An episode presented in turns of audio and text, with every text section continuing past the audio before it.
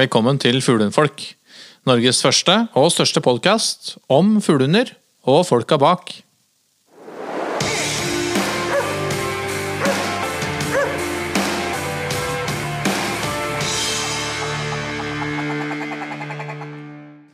Halla, gutta. Hallo. Godt nyttår, da! Ja, godt nyttår. Godt nyttår. Fy fader, det Bedre enn deg, fort. Ja, hva skjedde? Nytt år og nye muligheter. Hva skjedde? Eh, ja, vi har jo I de dager. det, å, det, Da var det dypt. Den var. Den var dyp. Men du, eh, folkens, nå er, vi, nå er vi litt ute i januar. Eh, og dette er offisielt sesongåpning Ja. Ja. for sesong to Sesong to. av Fuglehundfolk-podden.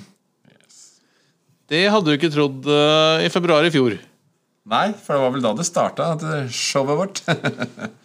Nei, det er morsomt. Ehm, vi, vi går jo litt hardt ut denne gangen. Ikke noe å spare på. Hva tenker du, skal jeg si? Nei, vi, eh, vi har jo fått tak i eh, en Er, er han en nestor?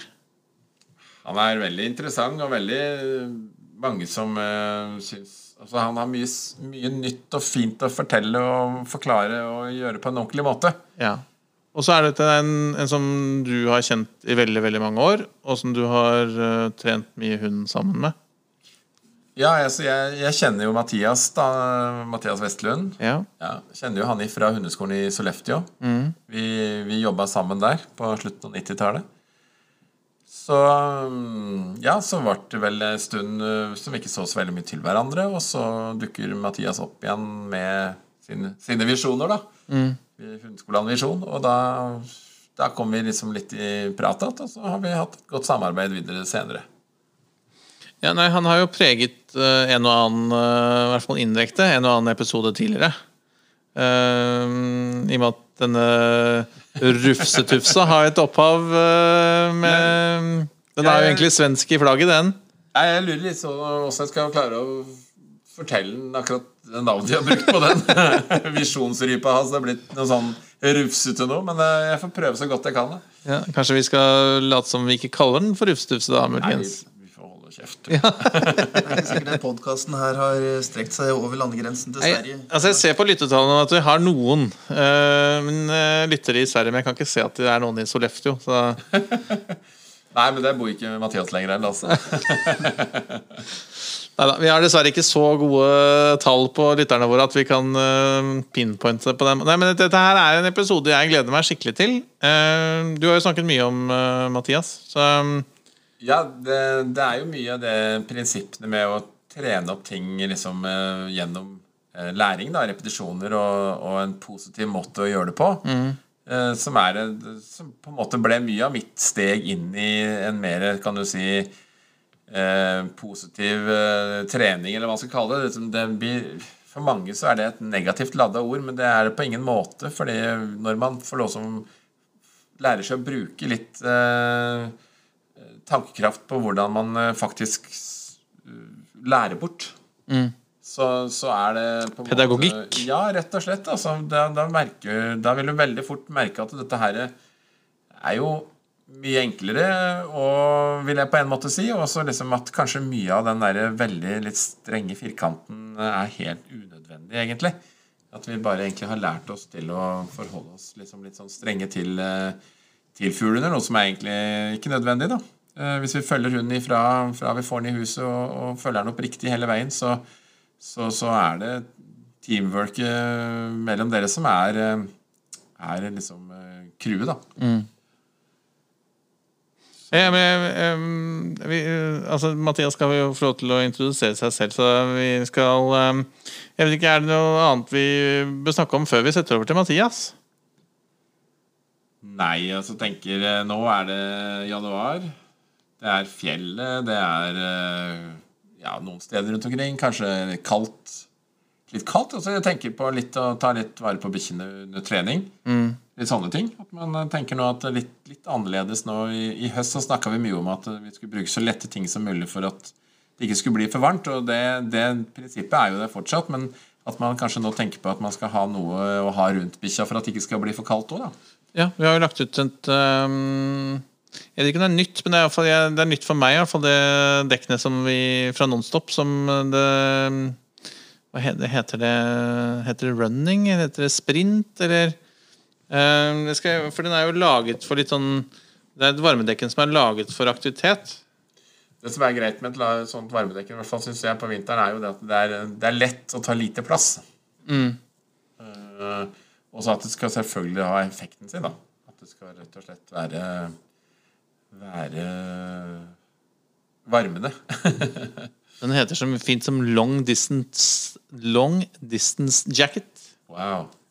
Du kjenner jo til den. Du har jo uh, vært med på å plukke Bare- den ut. Ja, ja, det er samme. Jeg bruker eh, bare at jeg har den blå, den blå Jeg har den røde òg. Den er superfin. Ja, for den, i, I motsetning til veldig mange andre av de varmedekkene jeg har vært, vært, borti, så sitter den her mye tightere på hunden. Eh, Den sitter bedre på hunden. Ja, det, det er klart det er noe varme her som Når vi liksom er ute etter å beholde varmen, da, så må vi jo tighte det litt rundt, ikke sant? Som, eh, og, og, og lokke att litt sånne glugger. Eh, så det at det er litt borrelåser og litt sånn som gjør at det sitter veldig godt sånn passform på hund, det er viktig. Eh, og så er det dette med også det å ha en- Altså når man hviler, at de har en eller annen måte å holde varmen på også når, man, eh, når de hviler. Ja, ja men det, det er klart. eh, Vi skal slappe av litt. Vi skal ikke sitte og fryse. Altså, Vi bruker veldig mye energi når vi fryser. Det gjør hunder òg. Så det at vi klarer å gjøre dette her så komfortabelt og greit, det er, som mulig, det er jo det er viktig, det. Mens du nyter en varm kopp eh, kaffe eller kakao, så er det viktig at eh, hunden nå får en kanskje en lunken kopp med litt uh, vom. Og vann, da. Mm, Varm, oppvarma vann. Eh, Ikke bytte, da. Nei, det er vi- veldig viktig å ta riktig, men det tror jeg ikke er noe fare for alle som har kjent lukten av. Så, ja. Nei, det, det er vel kanskje noe av det minst fristende på Ja, hundens meny. ja, nei, det, det er sant. Det lukter ikke spesielt godt. Men det, det var nå en digresjon, holdt på å si. Det er en digresjon. Eh, men så er det jo sånn som eh, Vi har jo hatt noen episoder med skaresnø, og det, det blir veldig fort eh, såre føtter av skaresnø. Tenke på de tinga fall som vi, vi snakka mye om det i fjor òg, når det var snøføre. At vi liksom tar litt hensyn til de tinga som på en måte eh, Og ikke minst pelsstelle, da. ikke sant? Pels, Bare generelt pelsstelle av hund før man tar med seg til fjells. Klippe godt i poter og gjøre det, gjør det enklest mulig der. ikke sant? Klippe pelsen, tynne den der den skal Så det ikke blir sånn lett for eh, for å klumpe seg og alt det greiene der. ikke sant? At man er forberedt. da. Det, det er, har ganske mye å si. For det er, når det er sånn kl- klumpeføre, kan du kalle det, så blir det veldig Det blir halvhjerta til slutt. Det blir liksom ikke noe Ja, det blir ikke noe fart lenger. Nei, det blir eh, bare vi blir jobben med å, å fjerne de klumpa, liksom. Det er greia. Det er kondomdressen og den eh, T-skjorta som vi snakket om og viste litt bilder av på Insta tidligere også. Det er jo en, en effektiv sånn forebyggende tiltak, i hvert fall. I kombinasjon med, med litt, eh, litt frisering, så kan det i hvert fall bidra til å, til å redusere denne klumpdannelsen, i hvert fall på de langhårede hundene. Ja, så vet jeg det er flere som driver og prøver å utvikle noen sånne spraydiverser, ikke sant? som man Ja. bare sprayer i pelsen for å, som gjør at det ikke klumper seg. Men jeg tror eh, Jeg har ikke, jeg har ikke funnet noe middel enda som, som virker skikkelig. Så hvis folk har noe som virkelig virker mot klumper i pelsen, så, så må dere fortelle oss. Det er vi veldig interessert i å høre mer om, ja. ja, ja, ja. Jeg husker Vi hadde jo en litt sånn eh, Jeg ser tilbake og gremmes litt over den eh, turen vi hadde på Totenåsen her før jul, eh, hvor vi hadde et et ordentlig stygt føre for spesielt for hundene. Eh, og stinga? Nei, ikke, ikke klumpeføre, men skaraføre. Skarføre. Å, ja. ja. Men det var sånn tynn skara som gjorde at Ja. bikkjene tro igjennom. Og, men den var jo tjukk nok til at det ble ganske sånn Nesten litt sånn som små kniver. Altså. Sting var jo så sår oppover, langt oppover ehm, for Det var jo ganske mye snø under. Så når de først tro igjennom, så, så, liksom, så oppover uh, underfoten og, og forbi kneleddet, så, så ble det sårdannelser, altså. Mm. mm. Ja, nei, det er mange sånne ting å ta vare på eller ta, ta hensyn til. Og ja, litt sånn eh, potesmøring, sånne ting, ikke sant òg. At man er liksom litt der. Tenker på alle de tinga som Og Kloklipp og sånn er viktig her òg. At det er på plass, og du skal ha foten nedi en fot, fotpose, holdt jeg på å si. Eh, alle sånne ting er at, at ting er på plass, da. At, liksom, at man har jobba litt med det. Og Ja, det er jo et, Forberedt, rett og slett. Det Ja, i hvert fall for mange av oss er det jo Vi har jo hatt noe begrensa med tilgang til snø i, eh, i Oslo-regionen, så for mange av oss er jo nå kanskje blant de første turene på snø, så da er det jo lurt å, lurt å friske opp litt, da. Ja da. det Bare tenk over de tinga som, eh, som skal være der, slik at eh, da slipper det å bli sånne store overraskelser. da Ja. Så termosen da til det vannet. Mm. Så blir det kaldt. Is. En lei tendens. Det Det gjør det. Ja. Nei, men bra, men skal vi eh, rett og slett kjøre jingle, ja, og så sette over til Mathias? Ja, men det gjør vi. Jeg gleder meg veldig til å snakke med han nå. Det er lenge siden sist. Vi også. Absolutt. All right. Yes. Snurr eh, jingle.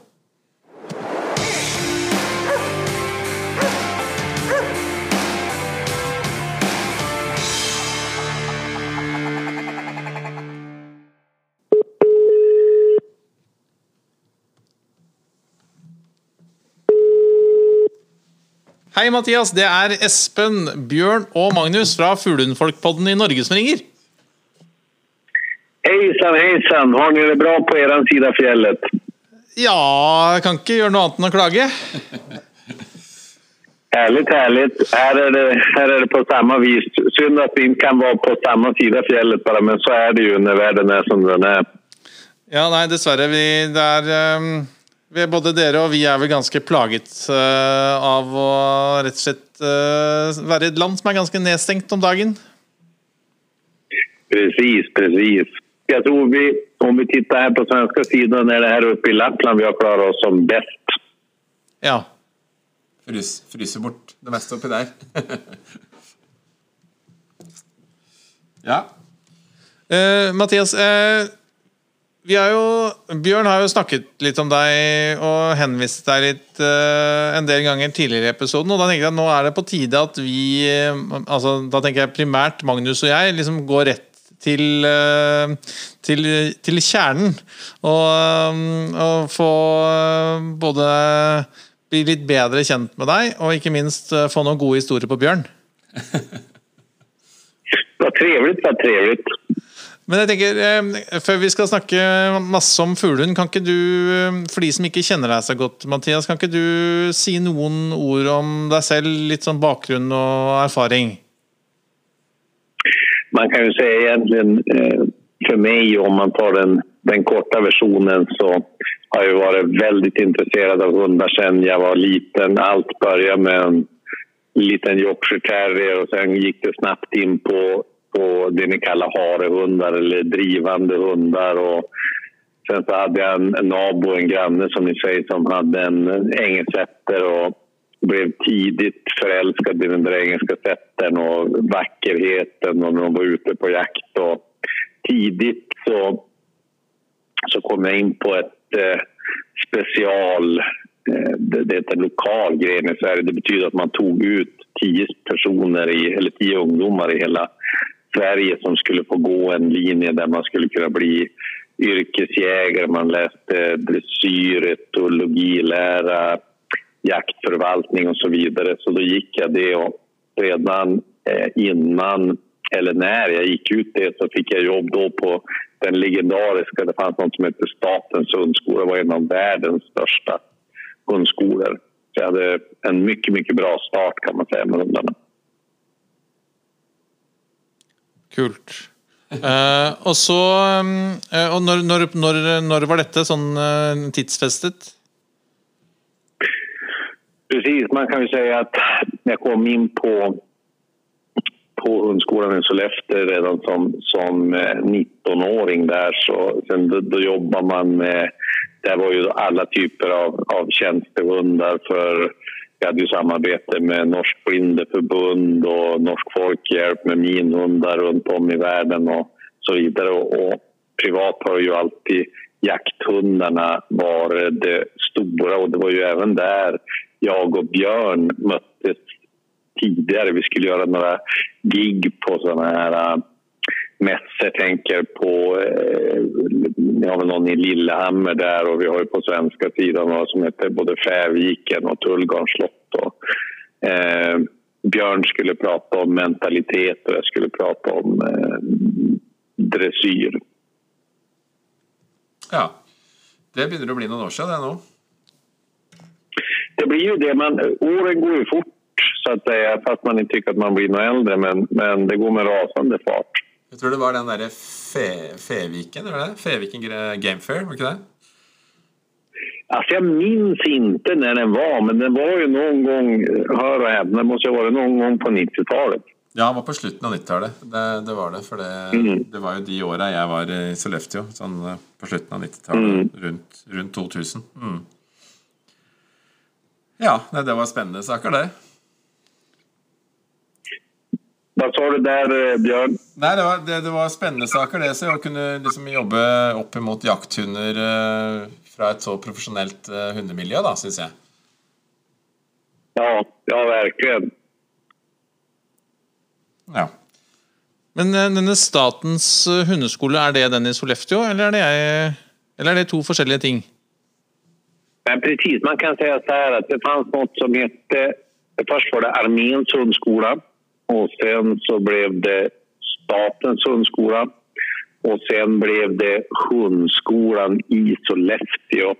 Den har nu, eller den gick kan man säga i graven eh, 02 kan man säga och då blev det så att polis, militär, eh, blindeförbund och som det heter i Norge, de gick skilda vägar och alla de här utbildar nu hundar var och en för sig. Tidigare var allting samlat på ett och samma ställe. Håll i er, alltså när man födde upp som mest hundar så födde vi upp någonstans mellan 450 till 750 valpar per år. Så jag har sett en hel del tikar med valpar och man kan ju säga att det är där liksom facit är bland hundar ändå.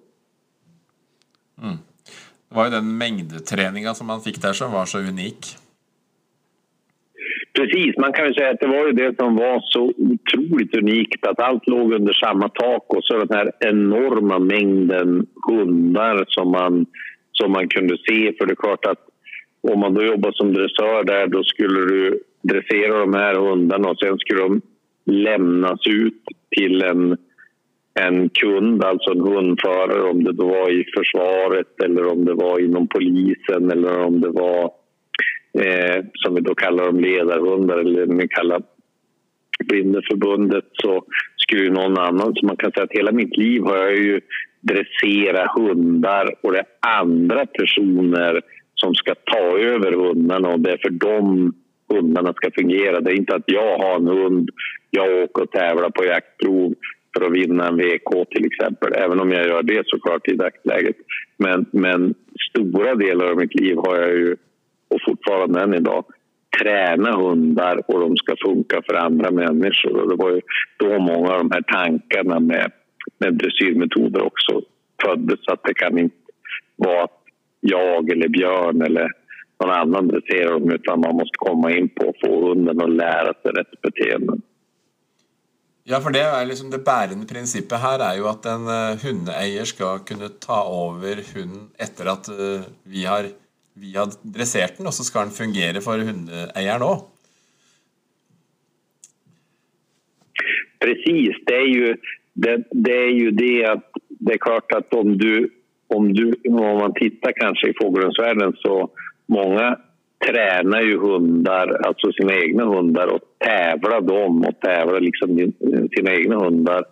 Eh, men ska du träna hundar till andra som du själv inte äger eller andra ska föra dem då, då, då krävs det också en annan typ av träning. Att, att hundarna på ett sätt liksom lär sig beteendena och de som ska ta över de här gör på ungefär ett liknande sätt och så vidare. Så att eh, båda, båda kan man säga båda sakerna, hur man, hur man tränar bygger ju på en, en filosofi men, men det är klart att om jag tittar på de hundar som jag själv äger och har från valp eh, de, de känner ju liksom hela, hela tiden och det vill jag säga är enklare då än, än när man tar över eller du ska ta över någon annans hund och dressera den mot en annan. Det kommer att krävas andra saker då av mm. Ja, för det, det bärande prinsipp här är ju att hunden ska på en måte associera och lära utifrån fra och inte utifrån din på måte, måte å føre hunden på. Da. Den ska på en måte kunne agere likt i fuglesituasjonen, uh, eh, uavhengig av fører.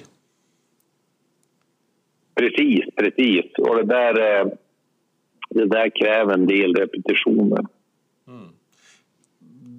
Jeg husker, sånn etter, sånn etter, etter, mm, etter Sollefteå, etter at vi var ferdig og eh, inte ikke jobbet der lenger, verken du eller jeg, så, så, ble vi jo litt borte fra hverandre noen år. Men så dukka du opp i systemet hvor jeg liksom eh, så her var det Yes, Visjon, alltså Hundeskolen Visjon her Yes, Mattias, yes, var ikke det, Er det ikke Mattias som jeg jobbet sammen med i Sollefteå, tenkte jeg. ikke sant? Og så, Jo, det måtte være det. Og så, og så ringte jeg deg jo, og fant jeg jo jammen meg ut at jo da, det var Mathias.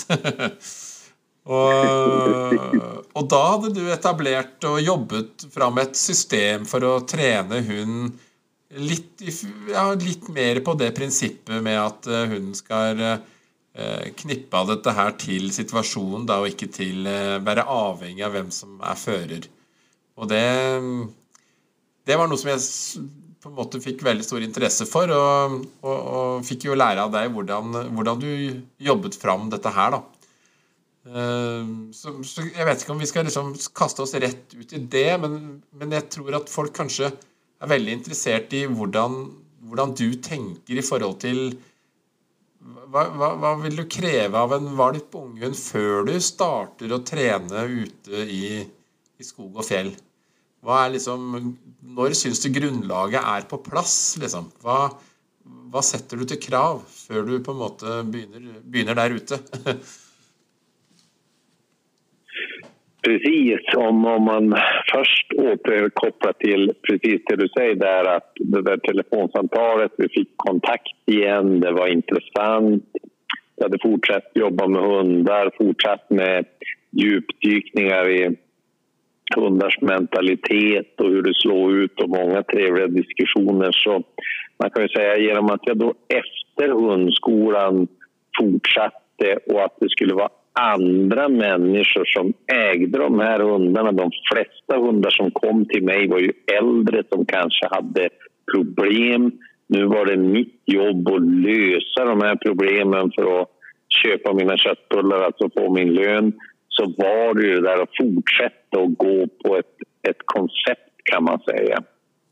Det som traditionellt sett man brukar säga det är ju det att man man ska ha ett bra stoppkommando.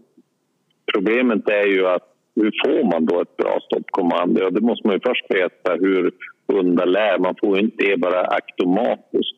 Man ska säga att det första man måste veta är att hundar lär i bilder och steg. Så skulle jag och du bara vara... Ja, det ser ut som att hunden sätter sig när vi säger sitt när den ska in och ut ur dörren, den sitter när den ska in och ut ur bilen, den sätter på arbetsplatsen, ute på jobbet där vi har den flera dagar. Eh, och så sen så släpper vi, åker vi nu iväg till eh,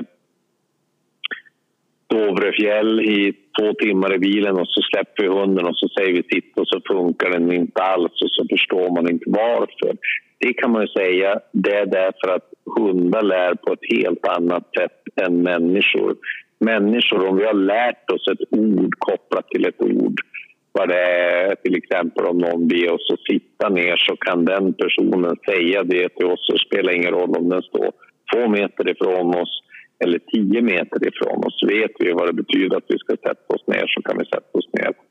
En hund skulle aldrig få den kopplingen så det blir väldigt lätt att man lurar sig och tror att man har en lydigare hund för att man tränar i vardagen eller den, den miljö som man är. Och så tränar man inte på fjället på samma sätt eller tycker att det ska, ska fungera i skogen och så gör det inte det. Så det man, första man måste veta det är ju runda lär och få in ett bra sitt så att säga förstå att sittet ska fungera i tio helt olika miljöer. Den ska kunna sättas när den är mörkt, den ska kunna sättas eh, när den busar med andra hundar, den ska kunna sätta sig i full fart när vi cyklar med den och så vidare. Det är flera svåra sitt den här hunden ska kunna.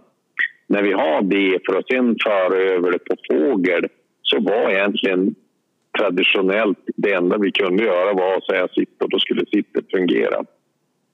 Det är väl inte så lätt som, som eh, Eh, man trodde att det skulle vara. Det var ju där många, många fick problem och det var då jag också kom in där att jag skulle vilja få träna hundar i drifter utan att behöva vara på lovland, fjäll eller skog för att göra det här bland fåglar. Och det var så den där eh, visionsripan föddes. Visionsripan kan man säga den, den bygger på kunskap om hur hundar lär. Det betyder alltså att man sett hundar i drifter där hundens hals, nacke, öron far upp. Den här flyger upp ur en stöckmaskin och hunden ser den här och är sugen och allt i hunden säger så här, jag ska ta det, jag ska ta det, jag ska ta det. Det är då vi ska lära in det beteendet att säger vi SITT eller däck så ska hunden sätta sig ner och bli kvar på platsen. Det här ska man då göra, det här genom att man har kontroll på hela kedjan här så kan man göra det här på flera olika platser. Man börjar med att man kastar den här själv, man har en dold i en, bak i en ficka eller en träningsväst, kastar den här när hunden ser den här, har man hunden i koppel, man berömmer hunden och säger sitt efter ett x antal repetitioner på olika ställen så vill man börja se att hunden självmant börjar förbereda sig på att sätta sig. Nästa steg är att jag gömmer björn bakanför en byggnad eller efter en skogsbilväg upp till hytta där hunden inte vet att någon är. När den här kastas och hunden är lös, att man direkt kan stoppa hunden då och sätta den. Men också börja se att hunden självmant stanna upp och vill sätta sig. Inte att, det, att ni måste skrika eller säga sitt utan att hunden själv börjar göra det här. Sen så kan man också göra det här extremt svårt genom att det flyger upp en sån här, man lägger på ett skott, hunden ser den här falla ner, den ser bara den här visionsripan, man har lagt ut en apport dold, det betyder att hunden har inte sett när man har lagt ut apport. Man vänder hunden om och skickar en därifrån på det som heter en blind apport. Och då ska hunden söka apport eller gå på ett linjetag i den riktningen som vi pekar och inte springa fram till den här. Kan hunden det, kan jag säga med erfarenhet, det är att ta ut dem på fjället eller skog eller fält, lovland som vi säger, då ligger jag väldigt, väldigt bra till, eller mina kunder bra till också för att göra den här överföringen på fåglar sen. Mm, mm. Tar detta här lang tid eh, som regel, eller er det noe du syns egentlig Hvis man bare knipper det på rette måten, så, så, så, så går denne her prosessen her eh, ganske fort? Eller skal man bruke lang tid og, og, og trene opp igjen og opp igjen, liksom? Det, det er òg en sånn liten tanke hvordan man, man, man eh, skal legge opp, eh, legge opp løpet da, i løpet av sommeren. Eh, hvor mye vil du jobbe med hunden før du tar den med dig vidare? Vilka krav ställer du? Precis, man kan ju säga så här att jag skulle vilja säga att det man lätt skulle kunna göra fel, att man tar hunden för fort ut på jakt. Då kan man säga så här, om jag själv har tagit en ung hund tidigt ute på jakt eller om, om hunden är nio månader eller sex månader första gången den är bland vilda fåglar eller om den är ett år och en månad har jag aldrig sett att de hundarna har blivit bättre eller sämre. Men det jag vet med säkerhet är att man lätt skulle kunna lura sig.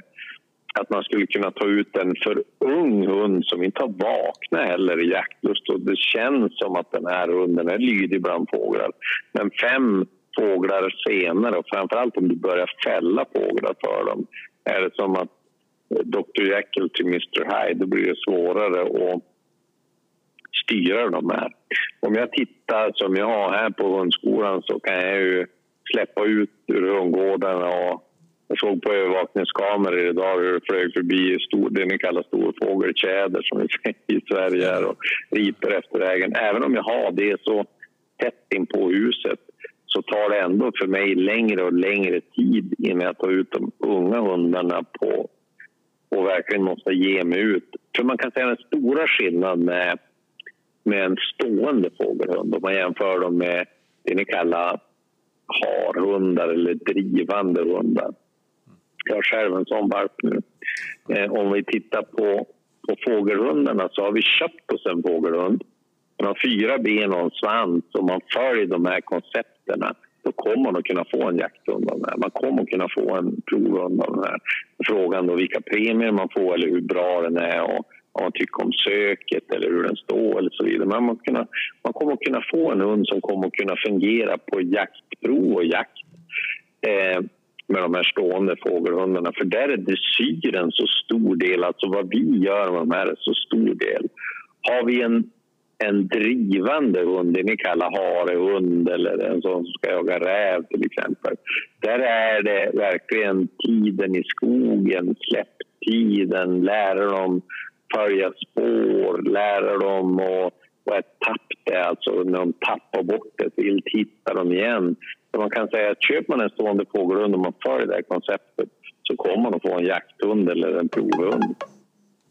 Eh, när man köper en annan hund, typ där hunden där vi kan påverka, påverka den mindre med dressyr där är det verkligen det här tid i skogen eller så vidare.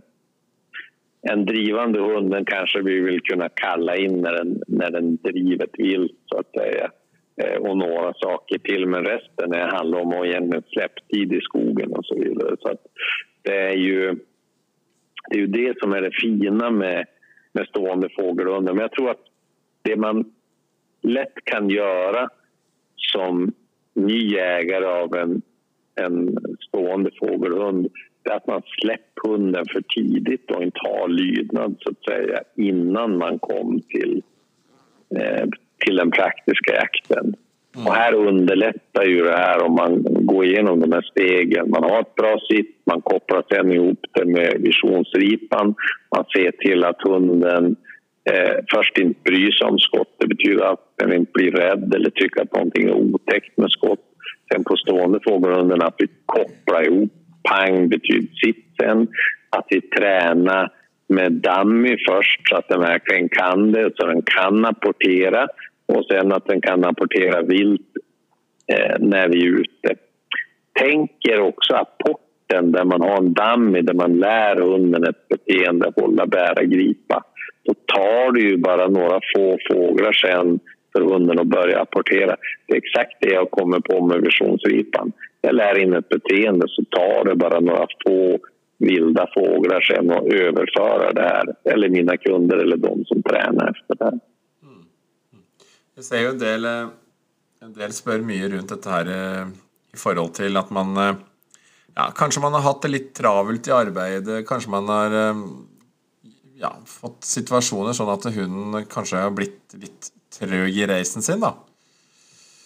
Um, og da har vi jo den her avansplattaen din. Hvor, hvordan vil du anbefale å jobbe fram uh, ja, For det første kanskje en sikker hund. altså Hvordan er den sikre veien frem for å unngå å få en uh, trøg reis? da, Eller, Og i tillegg, hvis man skulle være så uheldig, uh, hvordan jobber du fram et sånt problem? Precis, man kan ju säga att Avansplattan kom jag på ungefär samtidigt som det här med, med visionsripan om att hur ska man göra om man har ett problem eller man vill träna med hundar när de är i drifter utan att behöva vara ute i skog och mark eller fjäll eller lovland som vi säger. Eh, och där handlar det igen om att bygga in ett beteende, alltså få ett antingen från första början, försöka få in ett rätt beteende eller om man har fått ett problem, hur ska man då lösa det här problemet? Och då kan man tänka så här, hur kom jag då på det där äh, med avansplattan till exempel?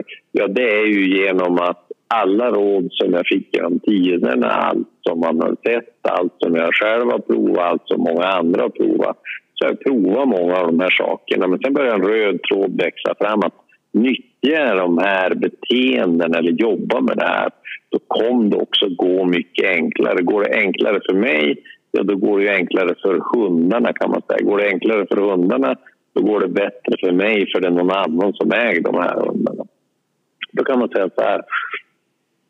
Varför blir en hund trög för? Ingen hund är ju trög från första början utan det är ju att man påverkar dem. Sen är det ju självklart så om en hund kan ha bättre eller sämre ståndanlag. Vad påverkar mer ståndet för någonting? Ja, det är ju också det här, får man fast en hund, det betyder att, man, att det ni kallar rio, så att den inte springer efter fåglarna, då kommer hunden att stå lättare. Men det är ju också mindre chans att den blir trög. En hund som lätt springer efter fåglar och man, man ska försöka börja stoppa de här eller sekunderna fåglarna går upp så skriker man däck, sekunderna fåglarna eh, skriker man däck. Efter ett x antal repetitioner så kan hunden också börja känna att det enda sättet att komma undan ett obehag när man känner den här doften av fågel, det är att stå stilla. Det är massor med, med förare i världen som klarar såklart att skrika däck och hundarna blir inte trög för det. Men jag skulle inte chansa, eller mina kunder som har haft hundar som har trög och när jag har löst det har ju varit tack vare genom att jag tänkt igenom de här stegen. Men sen också det här med bilder, att jag kan lära en hund att resa på avstånd. Om jag står 20 meter bakom föraren precis på sidan eller hunden pekar mot mig. Alla de här sakerna kan jag lära hunden. Allt det här och mycket mer hittar man i de här webdog-filmerna. Det kan jag också säga genom att jag har begränsad tid på oss vi kan prata nu så finns de här och hur man ska gå tillväga. Det, man, det jag tänker också att jag tänker så här. Vad är om man som ny hundägare lätt tar ut hunden kanske för tidigt för man tycker att man har bra lydnad runt huset till exempel eller hytta och så eh, funkar det kanske i början och sen så får hunden mer och mer jaktlust och framförallt ska vi också veta det att när vi verkligen jagar över hundarna det är då vi verkligen kommer att börja behöva lydnad när vi ska skicka dem på snabba apporter och de springer och hämtar de här och kommer tillbaka. Eh, då kommer det verkligen att krävas lydnad. Det man lätt kan lura sig på det är igen, tror jag, att man, att man har hunden ute för tidigt och man inte har både ett bra sitt och man har gått igenom de här sakerna visionsripan, avansplattan för att underlätta för hunden. För då kan man ju, då kommer allt gå så mycket smidigare när vi väl har dem ute. Om man har haft massor med hundar då, vad är det lätt att man gör då? Ja, då tycker man ju liksom att man, man kan det här och man kan det här och man kan det här. Men hur än det är så är det ju alltid så här att hundar krävs kräver träning och man behöver träna dem på saker. Om man har nu den perfekta hunden. Om jag har en hund som är i VK till exempel och den kan alla saker som den behöver kunna. Och, eh, ni är ute och jagar med de här hundarna och era jaktkompisar tycker den här är perfekt. Det är den största faran. Ja, det är ju att man själv förstör den. Samma hund som är perfekt kan jag också ganska lätt förstöra. Jag kan skicka den på massor med snabba apporter. Eh, jag börjar se mellan fingrarna. Ett steg blir två steg och så vidare. Men ni själv skjut, om ni själv ska skjuta också, då tittar ni på fåglarna och säkerhet efter ni har tittat på hunden. Och det är klart att då kommer ni också krävas ännu mer än om ni kan titta på hunden och skjuta med en, en startpistol till exempel. Så det är ju inte lätt att göra en fågelhund. Men det man ska veta det är ju det att går man de här stegen, man, man, om hunden är färdig när den är ett och ett halvt år gammal eller tio månader gammal har ju egentligen ingen betydelse för det här ska ju bli vår bästa jaktkompis förhoppningsvis i tolv år. Sen kan man väl säga så här, det är ju lättare att säga det om man har flera hundar. Har man bara en hund, man har sin första hund, man har tagit jägarpröven, nu, nu vill man ut jag förstår att man vill ut tidigt, med finheten med fågelhundar det är att då kan man säga till Björn, eller Marcus, eller Mattias eller någon annan, Sara Eh, kan jag få hänga på er med min unga hund så kan jag få, kanske få prova fälla en fågel för den äldre hunden och så får jag träna den yngre. Eh, och det, det, kan man ju med fördel göra med de här stående fågelhundarna. Det är ju inte att rekommendera med älghundar. Går jag med min älghund så vill jag inte att någon annan samsläpper med min älghund till exempel. Mm. Hur mycket mycket jobbar du Alltså, Vi snackar lite om skudd. Du, ja, du snackar lite om skuddet här och sånt. ting. Det är väldigt stora, eller många olika meningar om hur mycket man ska lägga i, i å jobbe med skudd i förkant av det med ful. Att många, många säger att at ja, skuddet kanske kommer naturligt in da, i förbindelse med en jaktsituation, Men hur hvor, eh, uh, vill du uh, på en måte förbereda hunden på skuddet i jaktsituationen?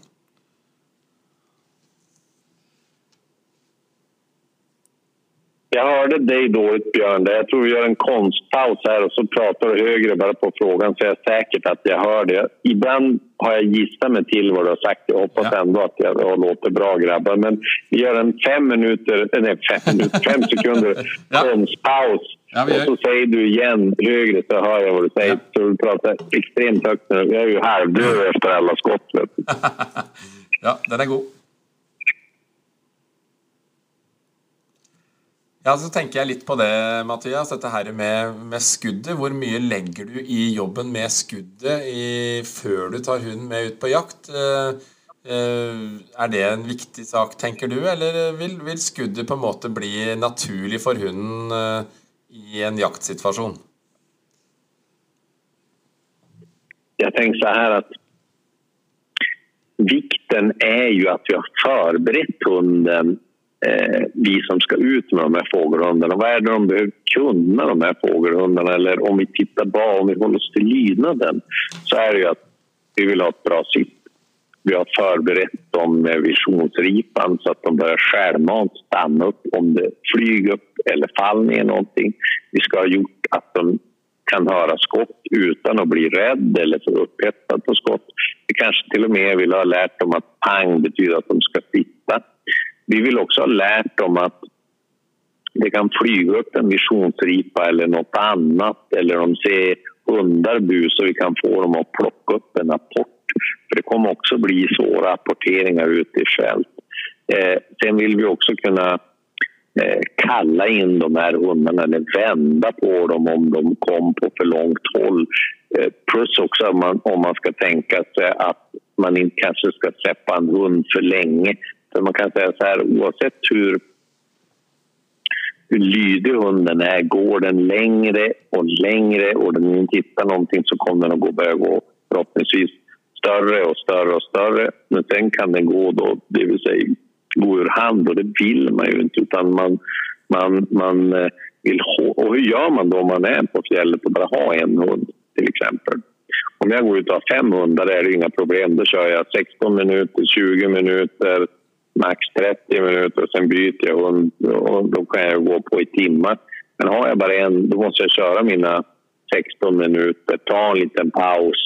Och paus betyder ju inte att jag måste stå stilla utan då kan jag bara ha hunden bredvid mig inne i fot eller i koppel, skida på eller gå en bit fram, släppa igen.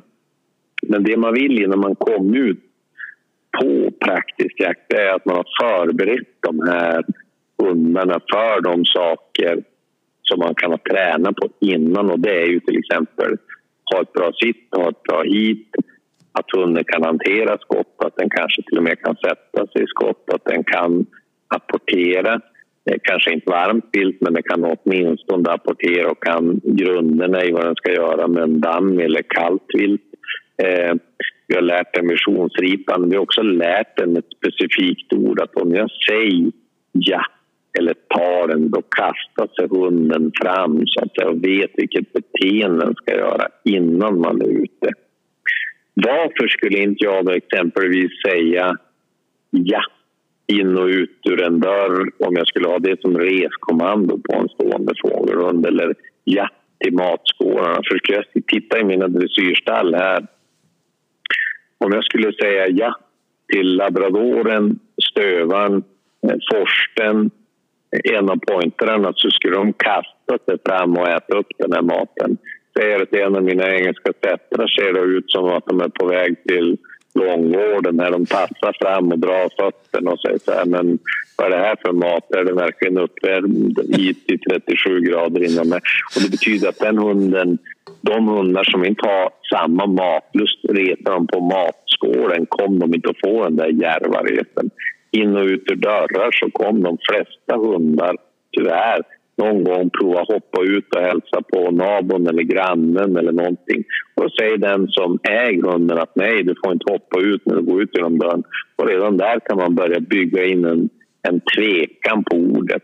Så om jag använder ja, så använder jag det bara när jag tränar hunden mot avansplattan och resa eller när den ska resa och sen flytta över det till fågel. I all annan när hunden ska in och ut ur en dörr, när hunden ska få äta, när hunden ska få hälsa på nabon eller en granne eller när hunden får göra precis vad den vill, då har jag ett annat kommando, ett annat ord. Och det, på svenska är det då varsågod. Det betyder att hunden får göra vad den vill. I Norge skulle man kunna säga kanske att det är helt fri, att hunden får göra vad den vill. Men jag har ett specifikt reskommando och ett annat kommando för att hunden får göra andra saker. Ja, det är, eh, det är intressant hvordan, eh, hvordan, disse tingene knippes eh, sammen til, eh, til hele, hele, øvelser. Og det är ju det som är lite av, av crewet her òg, at man kan jobba jobba i delelementer och sätta det sammen till en full øvelse. Det är väl Precis, och ja. där tror jag du är inne på något otroligt viktigt, Björn. Det blir lätt att man, att man liksom ska jobba på...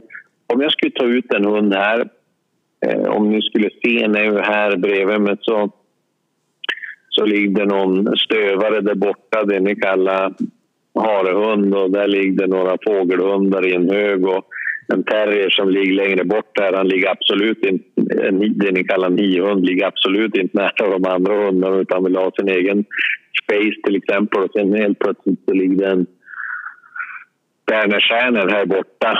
Och tittar man på alla de här nu som ligger runt omkring här så ska de ju kunna olika saker, alla de här hundarna. Och några ska nyttja på jakt och någon bor bara här tillfälligt för jul, så att säga, den där Bernerstjärnorna där.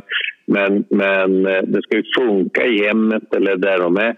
Men, men det man oftast gör är att man går ut och försöker man träna så många moment som möjligt. Om jag skulle gå ut på det ni kallar en trimmetur eller en rastrunda, hunden ska ut till exempel i vardagen. Det är ju vardagen jag lägger den största delen av min träning för då blir det väldigt effektivt. Jag skulle till exempel på samma rastrunda, om den var tio minuter lång eller tre timmar lång eller tre minuter så skulle jag kunna lägga in ett där hunden ska gå fot en bit. Den får vara hund och bara springa omkring. Den ska sitta. Satt jag den på 10 meter på förmiddagen så vill jag sätta den på 12 meter nästa gång för det blir ungefär nästa steg. Eh, jag kanske vill köra förberedande apportering, avansplatta. Eh, är ni så till att ni kan ha någon som skjuter på ett ytterfält, ja då kan man börja lägga in skott och förbereda för det när man sen ska koppla ihop det med sittet. Jag skulle köra en avansplatta och sen ska jag snurra på det här varje gång jag tar ut de här hundarna. Öppna dörren här, då skulle jag göra olika med dem. Sen är det också det lära hundar. Vi kommer ju med de här hundarna inte jaga på samma sätt när det är mörkt. Eh, men det är klart, en drivande hund, där kommer man här i Sverige till exempel släppa dem när det är helt mörkt och då vill jag lära den hunden att när jag lyser med pannlampan då hittar de ett spår där och hur lär jag dem det? Och det lär jag dem ju innan jag är på jakten och ska börja med injagningen.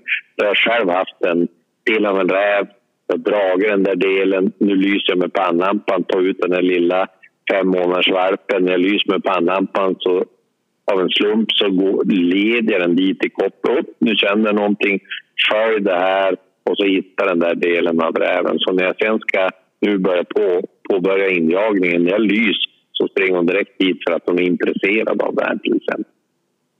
Mm. Mm. Ja, nej, det, mm, det är intressant hur man kan på något sätt eh, koble ting sammen og så få det til å fungere på en fin måte for oss som jegere òg, i, i, i, et samarbeid som kan være ja, eh, gjøre ting enklere, da. Rett og slett. Um... Jeg, jeg, sitter litt og hører på dere gutter, og det er veldig veldig interessant. Og spesielt for uh, noen som ikke um, uh, kan dette så godt som dere kan. Og um, når dere bryter det ned sånn som dere gjør nå, så blir alt litt lettere å forstå. Ja, ja det gjør vel det. Uh, ja. ja. Bra. bra. Ja.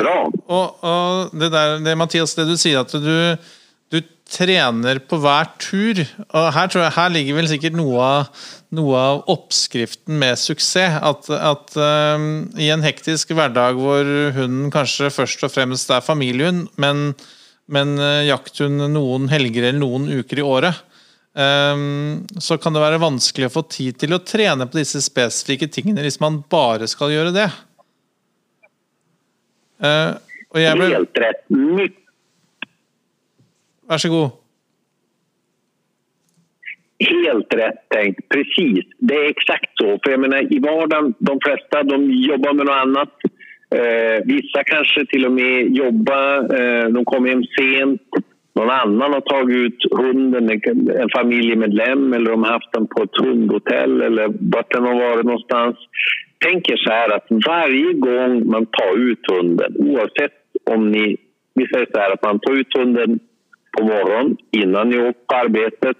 Man har kanske hunden med sig i bilen och plockar ut den eh, på lunchen eller man åker in på lunchen och plockar ut den och så sen så plockar man ut den en snabb sväng igen innan ni äter middag och så går man en lite längre tur med hunden på kvällen. Så tror jag att det ser ut för många nordmän att man, att man har hundarna på det viset när man jobbar med annat. Så skulle jag säga att hur kan man göra det här så effektivt som möjligt med en stående fågelhund eller en hund? Jo, det är ju just det när man tar ut och rastar hundarna att man inte bara kallar det en rasttur eller en trimmetur utan det kör man de momenten som en hund ska kunna. Det är det jag gör varje gång jag är ute med dem och då kan man tänka sig att jag behöver inte göra något annat än att träna de här hundarna. Men jag gör ju det för att jag sett att det är effektivt. Så, så gör jag om jag är på resa med en hund också. Då tar jag ju tillfället i akt att om jag nu är i storbyn Oslo till exempel och går omkring där då skulle jag nyttja de saker som var nytt för mig. Sätta hunden på nya ställen. Jag skulle träna den på att höra de här ljuden som den inte haft och då plocka upp en rapport. Men att man bygger in det här i vardagen. Så går man med hunden 20 minuter på morgonen då får den bim-bimma och bum-bumma ett x antal minuter av det här, alltså göra sina behov. Men däremellan så lägger ni in ett sitt, ett hit, en apport, en visionsripa, en avansplatta, kanske förberedande för skott om man kan det om ni är på ett ytterfält eller någonstans.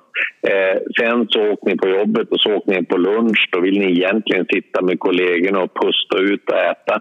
Men ni åker ändå hem och släpper ut den här hunden lite snabbt. Men då kanske en mest bara få göra sina behov men man hinner göra sitt precis när man var på väg in och innan man säger varsågod till hunden. Nu kom ni hem klockan eh, 17.00. Nu är hunden överlycklig. Nu ska ni snabbt ta in honom. ni egentligen trött. Nu ska ni börja göra korv och makaroner. Då tar man ut den. Nu gör man ett titt precis när hunden kom ut eller en rapport så man hela tiden också ändrar mönster. För det är extremt lätt för en människa att falla i mönster och det vill man inte. Man vill alltid att sitt ska vara sitt, man vill alltid att apport ska vara apport. Men man vill lägga in det på helt oförsäljliga ställen som ni säger. Annars blir eh, hunden platsbunden och skulle vara lätt att lura sig på er arbetsplats där ni har tränat mest ute på ett område där eller hemma kring ytterfältet att hunden skulle göra de mest fantastiska cirkuskonsterna. Men inte alls lyd när ni sitter en och en halv timme i bilen och sen hamnar på Beitostölen. Då känns det som att hunden inte fattar någonting av vad man lärt dem. Och det är därför att de har tränat för mycket och fått in platsbundhet istället för att lärt hunden de här beteendena eller komma in i de här beteendena som jag pratar om. Och här är det väldigt lätt att lura sig. Det skulle vara väldigt lätt att lura sig. Och det är ju därför att hunden är så olika hur människan lär Oftast utgår man ifrån sig själv och då blir det oftast inte det bästa. Det är både lite ont och lite gott att höra på, Mattias. Fordi du? Dette er både litt vondt og litt godt å høre på. Just det. Eh, fordi jeg merker jo selv at det er lett, spesielt i en hektisk hverdag, å falle disse rutinene. Men disse rutinene som vi mennesker faller inn i, de jobber jo mot oss når vi jobber dressur. Hvis jeg forstår deg riktig. Precis, man skulle kunna säga det att det här att sätta en hund och gå in och ut ur en dörr till exempel, det är ju såklart praktiskt då i början när man har en hund oavsett om det är en valp eller en hund som man tar över som, som är lite äldre så är det bra för då tränar man ju med hunden och man tränar sitt. Men efter ett x antal repetitioner, efter eh, tio dagar, då kommer hunden bara när den ser bilden av ytterdörren sätta sig i vilket fall som helst. Då lyssnar den inte på om ni säger sitt kanelbullen och annat. Och problemet är ju då att då lurar man sig för då tror man att hunden är bättre på, på kommandot sitt än vad den egentligen är. Mm. Men där är det bara plattfullhet och det är det som är en av de stora skillnaderna. Hur en hund lär och hur en människa lär. Så det man vill då är att man... Det betyder inte att hunden ska få hoppa in och ut hur mycket den vill eh, när man öppnar en ytterdörr. Men det jag gör med de stående fågelhundarna är att de får sitta i början. Sen behöver de bara stå stilla och jag säger varsågod. En stövare till exempel, där den sitter, är viktigt för jakten. Den får sitta varje gång. En älghund får också sitta var varje gång in och ut ur dörren. För där bygger jag bara upp ett förhållande till hunden men det har ingenting med själva jakten eller injagningen att göra. En labrador som också är en fågelhund, eh, den får sitta 50% av gångerna och 50% av gångerna så får den stå upp och jag säger varsågod. Men den stående fågelhunden skulle jag sen fasa ut till exempel det. Då kan man säga att är det hela världen då man skulle låta sin hund alltid sitta när man tar ut dem eh, ur dörren. Nej, självklart inte. Men det skulle vara lätt att lura sig och tro att man har ett bättre sitt än vad man egentligen har. Mm. Det är säkert eh, fler med mig som känner sig lite igen. Jag tror det här är ju, eller tror jag vet, det här är ju en av kanske de vanligaste problemen oavsett vart man är i världen när man tittar på, på fågelhundar så när man får problem som fågelhundsägare så kan man ju många gånger säga att de, de stora problemen är att man inte får en hund att sitta när man vill att hunden ska sitta eller att hunden eh, inte res eh, eller att den tjuvres, som det heter eller att man får problem med apporten. Så det spelar ingen roll vart jag är i världen och tittar på de här stående fågelhundarna så kan man säga är det, är det problem som uppstår så är det bland de här sakerna. Och varför är det? Jo, det är för att, att man kanske är ute för tidigt eller tränar för lite eller att man vinklar det fel. Men, men här finns det så otroligt mycket att vinna i vardagen. Och det är som du säger, de flesta de har den här hunden om man jobbar med annat stora delar av dagen. Och då, måste, då är det ännu viktigare att man försöker göra det så effektivt som möjligt. Så jag kan säga hela den här äh, träningsmodellen som jag lagt tusentals timmar på och haft förmån att liksom räkna ut och jobba och se glädjen med kunder är ju just det att man lägger in det i system så att det ska bli enkelt och att man gör det. För det är klart att tränar man någonting och tränar rätt då kommer det att gå relativt fort Ja, og da det, Du sier jo litt da at du, du gir jo, du gir jo um, eh, håpet da, til de som på en måte Kall dem er urbane hundetrenere. nå, nå, sender han lange blikk bort til meg, Bjørn, for jeg bor nemlig i Oslo. Så i, den, I den sammenheng eh, Mattias, så tenker jeg at, eh, at vi liksom må slå et lite slag for, eh, for webdoggen din. Fordi at eh, du har lagt mye energi og både ja, energi og penger i det å, å lage et eh, veldig, et veldig, godt undervisningsopplegg for, som illustrerer altså det er jo, Den webdoggen er jo filmer som, som folk kan kjøpe på nettet, og, og, få hele instruksjonen i hvordan man jobber med enkle øvelser og viktigheten av dem, og, og hvordan, man skal, hvordan, man skal, gjøre det. Og at man kan ta med seg det ut i parken, rett og slett der man bor. Også, og at det har en, at det har en viktig effekt da, for at man faktisk framover skal få til hunden sin gjennom at man jobber på denne måten. Precis, det är, ju, det är ju som du säger där Björn, det är ju byggt alltså för, för kan man säga, det ska inte spela någon roll om du bor i, i storbyn Oslo eller om du bor på en, eh, ute i Tromsö utan att du, liksom, du ska kunna arbeta med den här modellen oavsett var du är. Det man också får göra i de här filmerna det är ju det att de flesta hundar som ni ser att jag tränar i de här filmerna är ju hundar som har lärt sig fel. Alltså de har de, de gör ett fel och nu får man då se hur många steg tar det för att fixa till de här felen. Men sen får man också följa en hund, och, eller en yngre hund eller en mer otränad hund som, som ska lära sig rätt från början och hur många steg tar det här. Och då säger jag igen så här, eh, kom någon hund och hur farligt är det om en hund gör fel? Ja, alla hundar kommer ju att göra fel eller försöka att göra fel.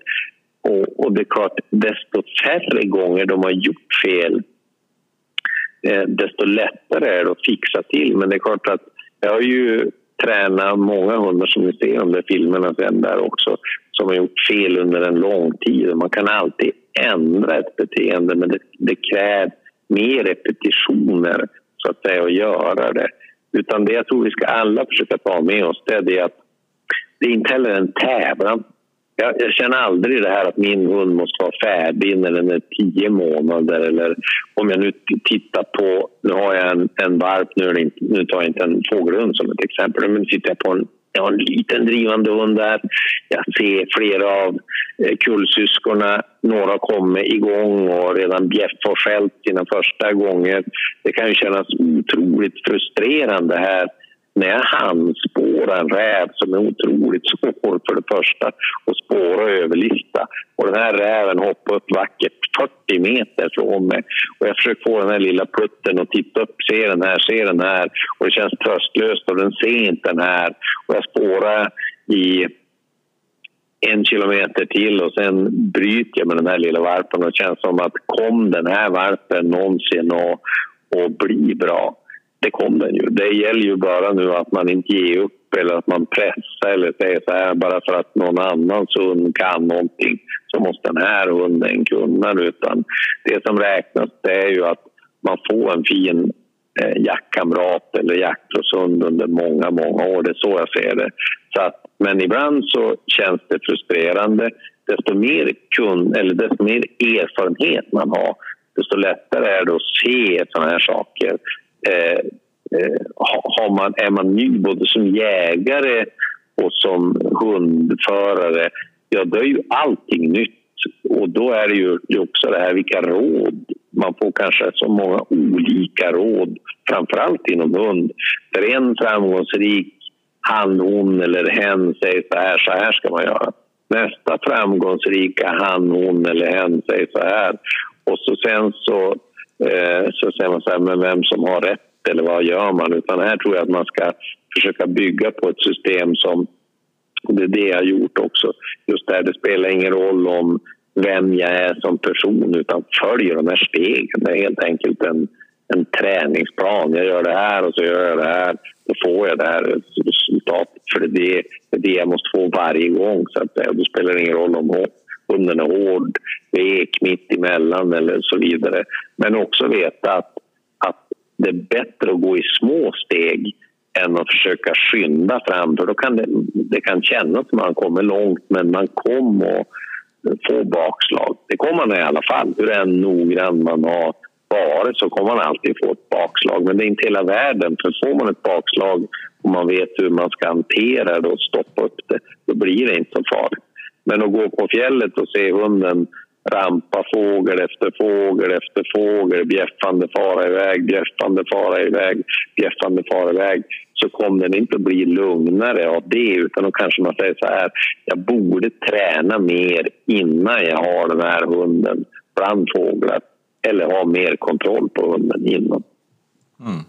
Absolut, absolut. Eh, väldigt mange er veldig redd eh, ja, i det hele tatt det å slippe hunden sin eh, til fjells. Men jeg, jeg, sier gjerne at når hunden på en måte er på en måte i en utvikling og, og kanskje trent så godt man kan i forhold til der den står, så, så har den jo òg godt av å, å, få erfaring da, med rypelukt. Så man skal ikke være redd for uh, når man har kontroll, uh, å ta med hunden ut i fjellet och ge, gi den erfaringer. Absolut, absolut. Det är precis som du säger. Men man kan ju ha... Det tror jag man glömmer bort också. Man skulle kunna säga så här. Skulle jag gå efter, ut från hundskolan här, gå nu efter min väg lite tidigare idag när det var lite ljust eh, så är det ju då mycket troligt att det skulle finnas både riper och storfågel efter tjäder som vi säger i Sverige efter vägen här. Och då kan man säga så här, om jag skulle ha den möjligheten att leda upp en hund antingen i felvind som en stöt om jag skulle ha den i en, en, ett långlina eller en vanlig koppel. Eh, men om jag har den i ett koppel, säg ett vanligt, vanligt koppel och eh, fåglarna flyger upp och ni håller kvar hunden i kopplet, ni säger sitt men hunden sätter sig inte då vet vi en sak. Hade hunden varit lös, då hade den aldrig stannat. Så då var det helt rätt att ha en helikopter. Men då kan man också säga att det här skulle hända fem gånger och hunden, man hade kontroll på hunden och den var i koppel och den började nu dessutom sätta sig. Då är vi mycket, mycket närmare och också lyckas få hunden sen när vi kopplar den lös att den kommer att lyda oss precis som vi vill. Mm. Eh, det här med också, som du säger, med erfaring. Det är ju viktigt sen att nyttja de här hundarna på, på, på praktisk jakt eller på praktisk träning. Och det är att lära sig använda näsan, använda vind, använda olika typer av terräng, olika typer av fören och så vidare. Sen kan det också vara så, har man ett litet, litet område, ett träningsområde som ni kallar det kanske, där man går och man alltid parkerar bilen på samma ställe och så blåser det från syd och så släpper man hunden och så finns det en ripkull i slutet på det här luftområdet. Då kan man få ett annat problem att hunden vet var det här är efter tio gånger och direkt börjar blåsa 700 meter ut och hitta de där fåglarna där. Och börjar den med det, då får man ett problem. Då är det andra. Så här gäller det också. Man ska ha hundarna med ut men tänk också att man ska byta lite områden eller inte låta dem skära fram i marken eller så vidare. Mm. Man kommer långt kan man säga med att ha i hvert fall skal man begynne å gi hunden erfaringer ute, da, så at man i hvert fall har en, eh, en innkalling som gjør at man kan, kan, kontrollere litt, styre litt søk og sånne ting. Så man eh, inte ikke lar hunden bare gjøre alt på egen hånd, men i et samarbeid med deg. Precis Björn, det är ju som du säger. Har man så att man, man enkelt kan, kan eh, kalla in en hund, ja men då kan man ju också ha hunden lös. Vet man att den kom, då kan man ju också ge en mycket, mycket mer frihet så att. Eh, eh, här tror jag att man bara lätt kan lura så att man kan gå omkring och kanske släppa hunden för länge för man tyckte det är för roligt och så blir hunden trött och så börjar den rampa. Tänk också på det har man en, på en ung hund en jättebra fågelsituation oavsett om det är efter tio minuter eller efter en timme då kanske man ger sig den dagen och säger wow, det här gick nu väldigt bra, nu ska jag njuta av det här och så går man tillbaka till hytten.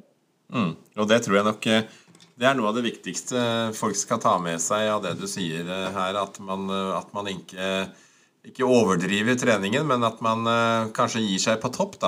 Att man ger sig när allt fungerar väldigt gott och så tänker man okej, okay, nu, nu är det bra. ja, för det, det, är ju det är ju lätt så också, de här när man hittar fåglar, det går bra. Då vill man ta en till och så en till och så en till och så blir hunden för trött. Och det här har du säkert pratat mycket om Björn, det här med mentalitet tidigare och när de när hunden inte orkar koncentrera sig längre, då kom misstagen. Och här kan man ju säga att här kan man ju direkt föra över det till en människa. Titta på det, det är ju när vi, när vi är extremt slut eller okoncentrerad. Det är då vi skär oss med en kniv när vi ska spjälka ved till exempel. Det är ju inte när vi är på topp utan det är ju när vi tappar koncentration. Mm, ja.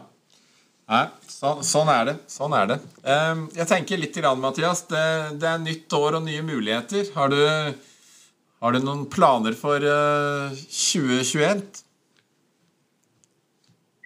Precis, man kan ju säga att, att det här är väl det år egentligen som som eh, jag har varit mest i Sverige någonsin eh, i vuxet tillstånd vill jag säga. Så jag har inte kunnat åka Eh, så mycket runt utan jag hoppas att det blir öppningar till eh, 2021. Först måste vi se hälsan, det är ju viktigast för alla framför allt. Men att vi börjar få eh, bukt på det här i de nordiska länderna och att vi kan komma igång med träning igen. Då skulle det vara härligt att komma över på er sida fjället där och att vi skulle kunna ge oss ut i, i fjällen eller att vi skulle kunna ha kurser där vi får titta på de här unga hundarna nu som har tränat med de här webdog-filmerna eller varit hos dig på träning eller träna på, på, ute runt om i Norge på olika ställen och samla ihop dem till några ställen och köra. Det hade ju varit väldigt trevligt. Mm, Men eh, eh, det är som du säger, vi, vi får se. Jag, jag vet inte vad man ska tro när man öppnar världen igen. Nei, det er usikkert, men, men, vi kan jo i hvert fall eh, vi kan ha en tanke om det. At eh, når, vi, når verden, eller når i hvert fall Norden kanskje da møtes, kan møtes igjen, så at vi eh, kan ha et mål om å kanskje få til litt, eh, litt samarbeid i fjellet. og litt, Det er litt koselig. og Vi har jo hatt masse kurser i fjellet før, vi. og Det kunne vært gøy å ha, et, ha noen kurser senere også, når, når, når, når det, det tillates. Precis, det hade varit väldigt, väldigt trevligt. Jag har alldeles färskt på mina näthinna här där jag och du är och skida i de fantastiskt vackra fjällen där och vi har de där hundarna som går och här är det snö och vi hittar riper så att det skulle jag gärna göra och även förberedelse och vi, vi fångar upp hundarna så det, det tycker jag låter som ett fantastiskt mål 2021. Ja, ja men det syns jag vi ska ehm, det syns vi ska jobba för. Jag tror vi kallar det en plan, Mattias. Jag tycker att det låter... Vi, vi kallar det en plan. Den får vi jobba efter. Så, så, så hoppas jag att vi ses alldeles, alldeles strax. Det... Bara på, på andra sidan gränsen här. Ja, det hoppas vi också. Så, nå, er det jo, eh, nå har vi sittet og snakket en, eh, en, litt, en litt drøy time, men, men, eh, det er så innmari mye kompetanse, og det er så innmari mange elementer som vi burde ha snakket om. Og så har vi liksom et, et, Hvis vi får lov til forhåpentligvis å møte deg ansikt til ansikt ganske snart, så har jeg veldig lyst til at du skal få lov til å komme inn i podkasten igjen. fordi jeg, jeg synes det, er, det er forfriskende å høre på deg. Du har en sånn metodisk og liksom Det er sånn brutt ned elementene. Det, det, det, det, jeg, det har på en måte dukket opp et sånn bitte lite lampe i hodet mitt. Um, han, lyser, han, lyser, Mathias. Han lyser. uh, så jeg syns det er veldig veldig forfriskende å høre, og har veldig veldig lyst til å invitere deg tilbake igjen. Ehm, förhoppningsvis eh, forhåpentligvis et eller annet eh, fint fjell et eller annet sted i Norge eller Sverige i nær fremtid. Men hvis ikke så har jeg veldig lyst til å ringe deg. Få mulighet til å ringe deg en annen gang også. Absolut, det, det har du och det tycker jag. Jag ser fram emot så eh, vill ni ha vinklingar här eller hoppas att vi ses live eller är det, är det några mer saker som man ska tänka på så hörs vi igen. Gör vi inte det så kör så ryk på norska sidan så hoppas jag att vi syns antingen på norska eller svenska sidan. Hoppas det här har varit till någon hjälp. Du, vet, det, har varit, det, har varit, eh, det har varit superintressant. Väldigt bra. Ja. Men du, tack för tiden din, eh, Mattias, och så hoppas jag vi snackar snart. Jajamän, sköt om er. Du også. Ha det. Hei. Hei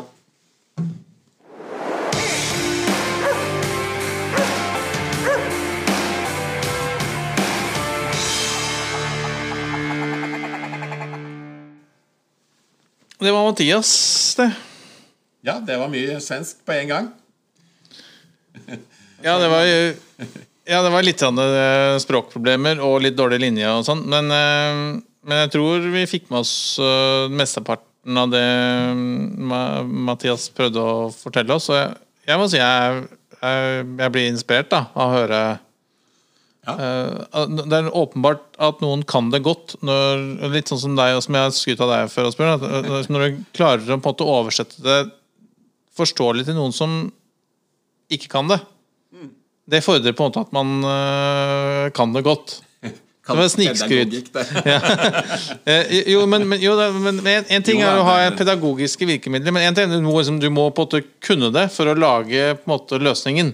Du må liksom ha observert mer enn øh, tre hunder. Ja, ja, men det er jo det, ikke sant. Både jeg og Mathias, vi, ja, vi står jo i dette her hver dag. Mm. Så det er jo Det er derfor det kanskje er lettere kan være, da, å, å, å ja, omsette de bildene, da. Ja. Kanskje. Så det Nei da, det er veldig bra, og jeg tror eh, han har en veldig et forståelig språk, altså, så det, jeg tror ikke det er så veldig vanskelig å Men jeg, har skjønt litt grann at Jeg ble skuffa faktisk når jeg så på TV jeg så på Pippi, og så var den dubba til norsk. ja. Da ble jeg litt skuffa. For det liksom, jeg har jo vokst opp med svensk, den ekte svenske Pippi. Syns det er litt sånn unødvendig å dubbe den, da, men det er kanskje bare min mening. Ja, Svenskene har vel holdt på med sånn siden tidenes morgen med norske øh, kanaler, har ikke de? De har det, ja. Jeg lurer på det. Ja, men Jeg tror det er derfor at vi, i hvert fall min generasjon nordmenn, da skjønner svensk veldig godt. Og det er kanskje fordi vi har vokst opp med Svensk TV og, og, ja, ja. Pippi og Emil og Saltkråkan, liksom. ikke sant? Og det, mens eh, Men du, at- nå så du sikkert Pippi på norsk TV. Du har sett Pippi på svensk TV før. Ja, det har jeg vel kanskje. Nei, men det Nei. Nei, men eh, uansett, da. Nei, Vi håper at folk forstår det. Og øh, hvis de ikke gjør det og trenger oversettelseshjelp, så er det jo bare å ringe til deg, Bjørn. Da kan bare ringe For du snakker jo svorsk. Ja, jeg svarsker som bare det hvis jeg skulle hørt med når jeg jobba i Sverige. Ja, det vil tro. Ja, men det, men det er sant du sier, at svensker forstår ikke så godt norsk. Nei, og det, det ble jo noen, noen, øh, noen små pauser der, men det, det tåler vi. Det skal vi tåle. skal, jeg, skal vi prøve å redigere litt òg, så kanskje det blir mindre pauser. Men eh, det er bra. Eh, nei, men skal vi skal Si vi at starte, dette- starte året. Ja, nå skal vi ordentlig Nå skal vi starte podkaståret. Ja, Ja. det gjør vi da. Og neste gang så håper jeg vi eh, er på et eller annet eh, fjell. Ja, det kommer til å bli, det kommer til å bli kurser og, og diverse utover vinteren. Så det, og dette blir jo lagt ut på sida vår. Fuglenfolk.no. Yes, Ja. Der, det blir også mulighet til å melde seg på og slike ting. Så det, bare følg med hvis man er interessert i å, å være med oss til fjells. da det eh, håper jeg at folk eh, uh, syns hadde vært spennende. Og så gleder jeg meg til at vi skal få rista oss um, uh, de siste restene av covid, og så at vi kan begynne å møtes ansikt til ansikt snart også. For vi har jo noen, noen kurs med del... Med, altså, vi har jo veldig lyst til å møte Jeg, jeg er litt opptatt av det. Jeg synes det er veldig gøy med hunder. eh, men jeg syns det er enda morsommere å møte folka som har hundene. Så det gleder jeg meg til, da. Ja, Hvis det er lov å si det. Ja, ja, for all herregud. Det er skikkelig moro. Ja. Det blir moro. Ok, men Skal vi kalle dette her en episode, vi da? eller? Jeg syns det er en god start på året. Rett og slett. Absolutt. Så da er det, altså, da er det slutt på første episode Ja, i sesong to. det er det da. Så da må vi begynne å telle. Men nå, blir, nå må jeg holde tunga rett i munnen når jeg skal telle. Ja, det syns jeg. Får prøve. Nei, men det er bra det, gutter. Da logger vi av. Vi høres. Takk for at du hørte på, og ha det bra. Ha det bra, ja. Ha det bra. ja.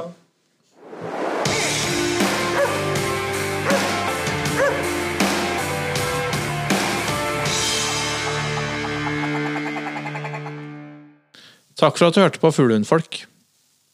Følg oss gjerne på Facebook eller Instagram. Her kan du komme med spørsmål, eller dele tips og råd du tror at vi andre kan ha nytte av. Vi høres!